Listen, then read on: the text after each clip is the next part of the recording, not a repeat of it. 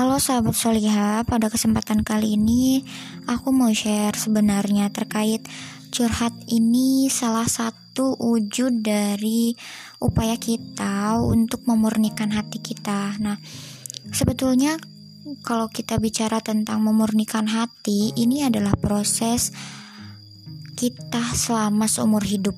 Nah, kenapa begitu? Karena meskipun kita sudah membersihkan hati kita, itu akan terus ditempeli lagi, ditempeli lagi, ditempeli lagi. Jadi proses membersihkannya pun harus setiap hari, harus rutin.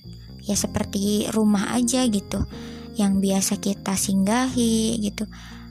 Tetap kan lama-lama juga kan ada tuh eh, debu-debu uh, yang menutupi. Nah, di sini mungkin untuk segmen kali ini aku mau bahas tentang penyakit-penyakit hati dan cara mengobatinya.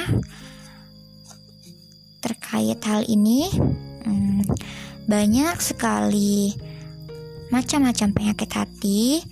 Nah, di sini mungkin penyakit hati yang biasanya mengidap pada eh, hati-hati uh, manusia adalah yang pertama ada kikir, ada serakah, ada benci, zolim, cinta dunia, iri hati, atau e, berhayal, takut miskin, ria, kemudian e, bergantung nih pada selain Allah gitu, percaya pada hal yang lain.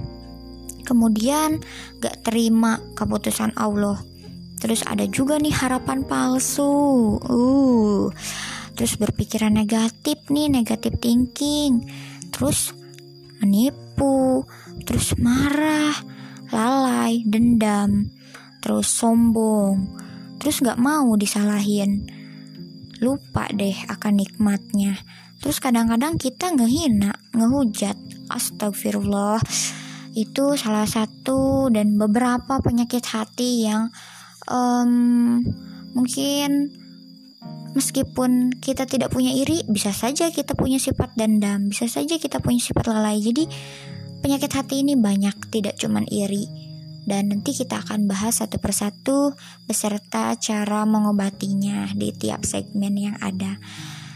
Itu aja pengantar untuk segmen kita kali ini mengenai e, memurnikan hati kita.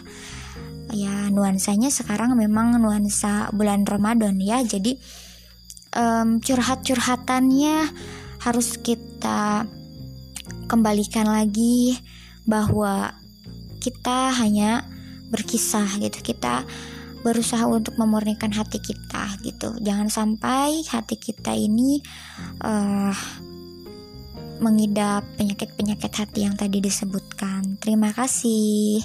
Assalamualaikum warahmatullahi wabarakatuh